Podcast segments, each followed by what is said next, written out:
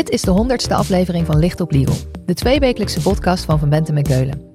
Al vier jaar lang brengen onze experts updates, do's en don'ts en praktijkvoorbeelden over de belangrijkste juridische thema's van dit moment. We willen van dit moment gebruik maken om jou te bedanken voor het luisteren. Na 100 afleveringen zijn we nog lang niet uitgepraat. Ook dit jaar kunt u weer op ons rekenen. En nu snel door naar de aflevering. Uh, maar door de manier waarop ze het opschrijven, wordt het risico op geschillen over de uitleg en de rijkwijde van het contract de facto eigenlijk vergroot. Er worden dagelijks talloze contracten opgesteld en getekend. Sommige tailor-made, maar vele ook vanuit standaardmodellen. De trend lijkt te zijn, hoe meer we opschrijven, hoe duidelijker het is. Want dat levert bij geschillen minder gedoe op en laten we vooral proberen de risico's bij de wederpartij te leggen. Maar werkt dat wel zo als we kijken naar wat het burgerlijk wetboek regelt? Daarover praten we in deze honderdste Licht op Legal met Marcel Ruigvoorn. Hij stelt zich even voor. Mijn naam is Marcel Ruigvoorn, ik ben advocaatpartner bij Van Benten McKeulen en werkzaam op de praktijkgroep Commercial Contracting en Dispute Resolution. En Marcel is daarnaast buitengewoon hoogleraar nationaal en internationaal contracteren aan de Universiteit Utrecht.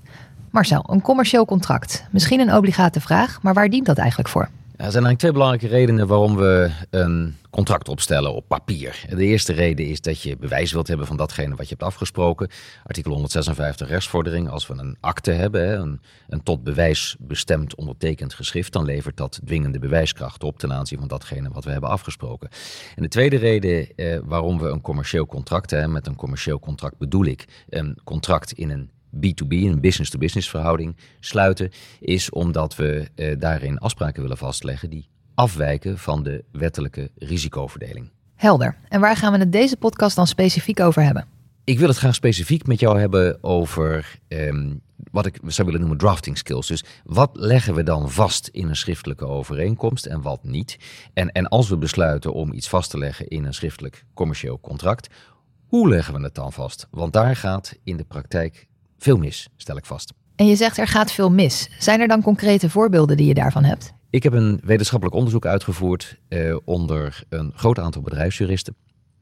In het kader waarvan ook eh, contracten konden worden opgestuurd. Eh, die dan vervolgens eh, door de molen werden gehaald. Eh, en eh, becommentarieerd vanuit de vraag: waarom staat er wat er staat? en uh, wat zijn de consequenties als je het op die manier opschrijft? En waar gaat het dan precies mis? Wat zie je in de praktijk? Ik heb een aantal concrete voorbeelden die ik, die ik je kan noemen. Um, Bijvoorbeeld een ontbindingsclausule. Partijen vinden dat er iets geregeld moet worden over ontbinding in het contract. En dan moet je je eigenlijk eerst de vraag stellen: waarom, waarom zou je dat doen? Want de wet kent een vrij uitgebreide ontbindingsregeling. Um, maar als je dan opschrijft, uh, wat je in heel veel gevallen uh, ziet staan, dat een contract ontbonden kan worden als er bijvoorbeeld sprake is van een uh, tekortkoming. Punt. Uh, dan rijst vervolgens de vraag: ja, je hebt wel iets geregeld over ontbinding, alleen de manier waarop je dat geregeld hebt wijkt af van de wet. Betekent dat nou bijvoorbeeld dat de tenzij-clausule, zoals de wet die kent, hier geen opgeld meer doet? In de wet staat dat je alleen mag ontbinden als de tekortkoming ernstig genoeg is om de ontbinding te kunnen rechtvaardigen. Als je dat, dat is vervat in die tenzij-formule. Uh, en als je die tenzij-formule dan in, het, in, je, overeenkomst weglaat, dan rijst de vraag: heb je uh, dan afstand willen doen van die tenzij-formule? Nou, we weten inmiddels uit een recente uitspraak van de Hoge Raad dat dat kan. Uh, maar mijn probleem is dat het veelal een consequentie is die niet per se beoogd is door partijen. Men wil iets regelen over ontbinding, neemt een ontbindingsclausule op, maar sluit niet aan bij de tekst. Want een andere vraag is, hoe zit het dan met 265 lid 2? Hè? De wet zegt dat je pas mag ontbinden als er sprake is van blijvende of tijdelijke onmogelijkheid of verzuim. Als je dat nou niet in je contract opneemt, betekent dat dan dat je ook mag ontbinden als de ander niet in verzuim is? Nou, dat, is, dat is een voorbeeld. Er zijn legio voorbeelden eh, in ditzelfde genre te benoemen. bijvoorbeeld als ik in een contract, een, een overeenkomst van opdracht, een hele uitvoerige beëindigingsclausule opneem. Het contract mag worden opgezegd als aan een aantal criteria is voldaan. Betekent dat dan dat ik het contract niet meer zou kunnen ontbinden als de omstandigheden die geen recht zouden geven voor opzegging, maar wel recht zouden geven op ontbinding op grond van de wet zich zouden voordoen. Dat zou eigenlijk een beetje vreemd zijn, omdat je zegt, ja, afgezien van de ongedaanmakingsverbindenissen die aan ontbinding vasthangen, bereik je hetzelfde effect, namelijk het beëindigen van de overeenkomst. Maar het zou natuurlijk op zich vreemd zijn op het moment dat je de overeenkomst door opzegging niet zou kunnen laten eindigen, maar wel door middel van ontbinding. En, en een laatste voorbeeld, garanties, ook zoiets. Ehm, partijen willen graag zekerheid creëren met betrekking tot de conformiteit, of de gevolgen van non-conformiteit. Want eigenlijk zeg je bij garantie, garantie is nakoming. Dus op het moment dat iets non-conform is en je hebt garantie gegeven, dan betekent dat dat de wederpartij bij jou terug kan komen en zeggen, joh, ding doet het niet, uh, ik wil nakoming. En door een garantietermijn af te spreken, uh, denken heel veel juristen dat ze daarmee de termijn waarbinnen er in voorkomend geval moet worden nagekomen, gelimiteerd hebben. Maar dat is niet zo, uh, want op het moment dat jij een garantietermijn van vijf jaar afspreekt, betekent dat niet dat als het apparaat dat je geleverd hebt na vijf jaar kapot gaat, dat, je dan, dat de koper dan geen beroep op nonconformiteit meer zou kunnen doen. Dat is pas het geval als je zegt, mijn garantietermijn is vijf jaar en denk erom, na omkomst van die vijf jaar hoef ik niet meer na te komen. Dat kun je afspreken, maar dat laatste wordt heel vaak achterwege gelaten. Ja, dus wat je eigenlijk aangeeft met deze voorbeelden is dat hoe meer je gaat opschrijven, hoe meer je afwijkt van de wet, hoe onduidelijker het wordt. Ja, dat, dat zie je ook in de rechtspraak eh, veel terugkomen. Dat partijen een afspraak maken, eh, dat vastleggen, eh, maar in net andere terminologie dan de wettelijke terminologie. Het schoolvoorbeeld, wat we allemaal in de collegebanken natuurlijk hebben meegekregen, is het arrest Boende Erkens, waarbij partijen een afspraak hadden gemaakt die erop neerkomt dat belastingschade moet worden vergoed. En, en de vraag die daar tussen hen rees was, wat is nou belastingschade? Wat is de rijkwijde van dat begrip? Daar is tot aan de Hoge Raad over geprocedeerd. Uh, maar je ziet het in, in bijna ieder commercieel contract. Wordt indirecte schade uitgesloten of wordt gevolgschade uitgesloten. Dat zijn geen wettelijke begrippen. De wet kent in artikel 6, 96 een definitie van schade. En die definitie is: het is gederfde winst, geleden verlies of ander nadeel voor zover de wet recht op vergoeding toekent. Die laatste categorie, de immateriële schade, die laat ik even voor wat het is. Maar dan hou je over geleden verlies en gederfde winst. Dat zijn de wettelijke begrippen.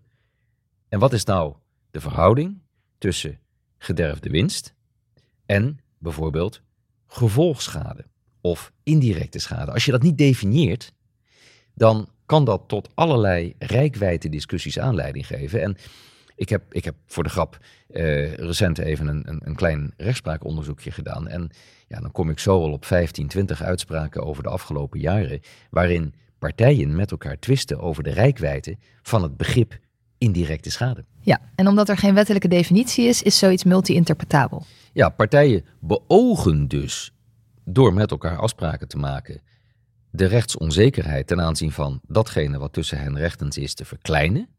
Eh, maar door de manier waarop ze het opschrijven, wordt het risico op geschillen over de uitleg en de rijkwijde van het contract de facto eigenlijk vergroot. Allemaal voorbeelden die je noemt die misschien wel voorkomen hadden kunnen worden. Nu ben ik aan het luisteren. Waar moet ik dan over nadenken bij het opstellen van zo'n contract? Ik denk dat, dat het, het allerbelangrijkste is bewustheid. En, en bewustheid betekent kennis van het materieel verbindenissenrecht. En dat betekent dat je naar contractsbepalingen moet kijken met een, met een iets andere bril eh, dan die welke we normaal gesproken op hebben. Als ik een, een, een, uh, iets, iets geregeld zie over ontbinding, dan zou veel meer de vraag moeten reizen Laten we eens even kijken wat de wet over ontbinding zegt. En laten we kijken in hoeverre de contractuele regeling die hier is opgenomen nou afwijkt van de wet. Uh, en, en of die afwijkingen in ons voor- of in ons nadeel zijn. Het voorbeeld dat ik gaf met die ontbinding. Ja, als jij zegt, ik heb het recht om te ontbinden op het moment dat jij tekortschiet. Dan betekent dat uh, dat ik afwijk van het tweede lid. En dat je dus de vraag moet stellen, uh, is hier dan inderdaad geen uh, verzuim nodig. Is dat in mijn voordeel of is dat in mijn nadeel? Heel vaak zie je ook, zie je ook de bepaling dat ontbinding, het recht op ontbinding gekoppeld wordt aan een toerekenbare tekortkoming. Nou, dat wijkt ook van de wet af, omdat de wet juist zegt dat iedere tekortkoming, lees dus ook in geval van overmacht, het recht op ontbinding doet ontstaan. Tenzij, en dan komt die tenzij-formule weer. En zou je dan eigenlijk kunnen zeggen dat in Nederland less is more beter is bij contracteren? Nou, dat, dat kun je je inderdaad afvragen. Hè. In het kader van, van mijn oratie heb ik onderzoek gedaan naar het antwoord op de vraag of contracten nou inderdaad de laatste decennia steeds dikker en steeds juridisch inhoudelijk complexer zijn geworden. Dat vormde ook onderdeel van het onderzoek waar ik net al even aan refereerde. Uh, en uh, ja, het blijkt inderdaad dat uh, bedrijfsjuridisch Nederland tot de conclusie is gekomen dat dat inderdaad wel waar is. En um, ja, er zijn allerlei oorzaken voor, voor aan te wijzen. Maar inderdaad, less is more. Het heeft soms meer kracht om minder op te schrijven en terug te vallen op datgene wat er in de wet staat, dan om van de wet, of zeggen, in de wet geregelde leerstukken in een contract te regelen, maar dan op een zodanige wijze dat ze feitelijk meer vragen oproepen dan ze rechtszekerheid verschaffen. Helder. En als ik nu aan de slag wil, ik heb modelcontracten, die wil ik herzien, of ik heb een nieuw contract dat ik wil gaan opstellen. Wat moet ik doen? Als je een leerstuk in een contract regelt, wees je er dan van bewust eh, of de wet het regelt. En als de wet het regelt, waar datgene wat in het contract staat dan precies afwijkt van de wet. En twee, houd in het achterhoofd dat de Hoge Raad recentelijk een arrest heeft gewezen, eh, waarin de Hoge Raad aangeeft dat het in beginsel mogelijk is om van de haveltax-clausule af te wijken. We weten allemaal, eh, contracten, eh, eh, Scholte die heeft in, in het begin van de, van de 20ste eeuw al een keer gezegd, woorden zijn nooit duidelijk. Woorden zijn eigenlijk per definitie multi-interpretabel. En dat betekent dat er ook ongelooflijk veel rechtspraak wordt gewezen over de uitleg commerciële contracten. Dat doen we dan via de haveltekstformule. En de haveltekstformule zegt dat je bij de uitleg van contracten moet kijken naar datgene wat partijen over en weer redelijkerwijs van elkaar mochten verwachten en uit elkaars gedraging mochten afleiden. Nou ja, die, die riedel kent iedere jurist.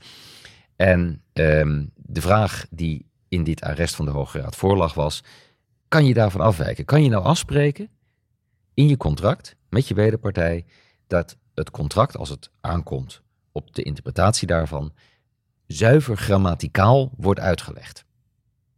En het antwoord daarop is ja, dat kan. Zij het dat natuurlijk er wel geldt dat de bepaling die je opneemt en waarin je overeenkomt dat je grammaticaal gaat uitleggen, dat die dan wel weer onderworpen is aan haveltekst. Uh, maar goed, dat is een kwestie van zuiver formuleren, zou ik zeggen. En op het moment dat je helder wilt maken wat er in het, wat in het contract staat, dat dat leidend is. En, en, en dat je ook de zekerheid wilt hebben dat datgene wat er staat ook dienovereenkomstig zal worden uitgelegd, dan doe je er verstandig aan om van de haveltekstformule af te wijken in combinatie met het opnemen van een vierhoekenbeding. En een vierhoekenbeding, de four corner clause, dat zegt dat alleen datgene wat in het contract staat tussen partijen geldt eh, en niks meer of minder dan dat. Maar dan krijg je eigenlijk een beetje het Amerikaanse of Anglo-Saxische model als je dat afspreekt. Ja, dat is, dat is grappig. En er heeft, een aantal jaar geleden heeft er een, uh, in de literatuur is er een cyclus geweest over uh, de vergelijking tussen Anglo-Saxisch recht en Nederlands recht.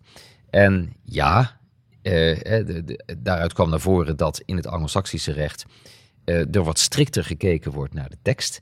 Um, maar aan de andere kant, ook daar ja, ook daar gebeurt het natuurlijk net als in, in, in uh, civiel recht, in, in, in civil law uh, systemen, komt het voor dat partijen iets afspreken wat multi-interpretabel is. Dus ook in het Anglo-Saxische recht kent men het leerstuk van de uitleg, zij het, uh, en, en dat is natuurlijk echt wel, dat blijft wel een verschil, zij het dat je daar minder snel aan toekomt dan in een civil law jurisdictie.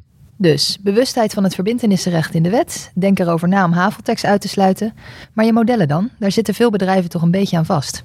Ja, het is, het is goed om met die, hè, met, met, die, met die andere bril waar ik, waar ik het net over had.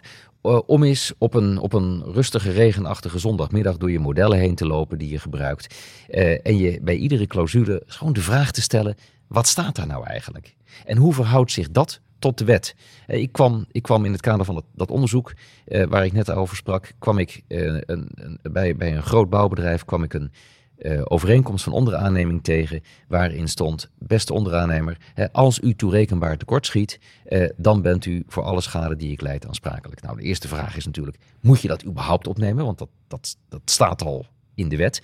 Eh, en toch ook weer niet helemaal, want de wet zegt dat weliswaar een tekortkoming leidt tot aansprakelijkheid, eh, tenzij die tekortkoming niet toerekenbaar is. Hè. Dus als je kijkt naar artikel 74 van boek 6, dan betekent dat dat de wederpartij, de tekortschietende partij, moet zeggen: ja, oké, ik ben misschien wel tekortgeschoten, maar dat is het gevolg van overmacht. En dus is de tekortkoming niet toerekenbaar en dus ben ik niet aansprakelijk. Als je in je algemene voorwaarden of je model opschrijft, beste onderaannemer, als u toerekenbaar tekortschiet, dan, et cetera, dan betekent dat dus dat je als opdrachtgever een stelplicht en een bewijslast naar je toe haalt, die op grond van de wet helemaal niet op je rust. Want je kunt er dan niet meer enkel mee volstaan om de tekortkoming aan te tonen. Nee, je zult ook moeten aantonen dat die tekortkoming toerekenbaar was. Dat is ook een van de voorbeelden die ik noem in mijn nieuwe boek Contracten in de Praktijk. Helder. Weer een voorbeeld waarbij je het risico naar jezelf verlegt, terwijl dat niet de bedoeling is. Marcel, dankjewel. Als we meer willen weten, waar kunnen we dan terecht? Via e-mail marcelruigvoorn.vbk.nl. Ehm, telefoonnummers vindt u op de website. En in toevoeging daarop, het boek wordt uitgegeven door Kluwer. En kan dus op de website van Kluwer worden besteld uh, of bij de Betere Boekhandel. En daarnaast verloot ik 25 exemplaren onder degene die zich voor eind januari 2024 bij mij melden via mijn e-mailadres marcelruigvoorn.vbk.nl. Dit was de honderdste aflevering van Licht op Legal, een podcast van Van Bentem en Keulen, te beluisteren via Spotify, Apple Podcast of je eigen favoriete podcast-app. Wil je meer weten? Heb je suggesties voor een onderwerp? Of wil je dat onze experts hun licht laten schijnen op jouw juridisch vraagstuk? Laat het ons weten via vbk.nl/slash lichtoplegal.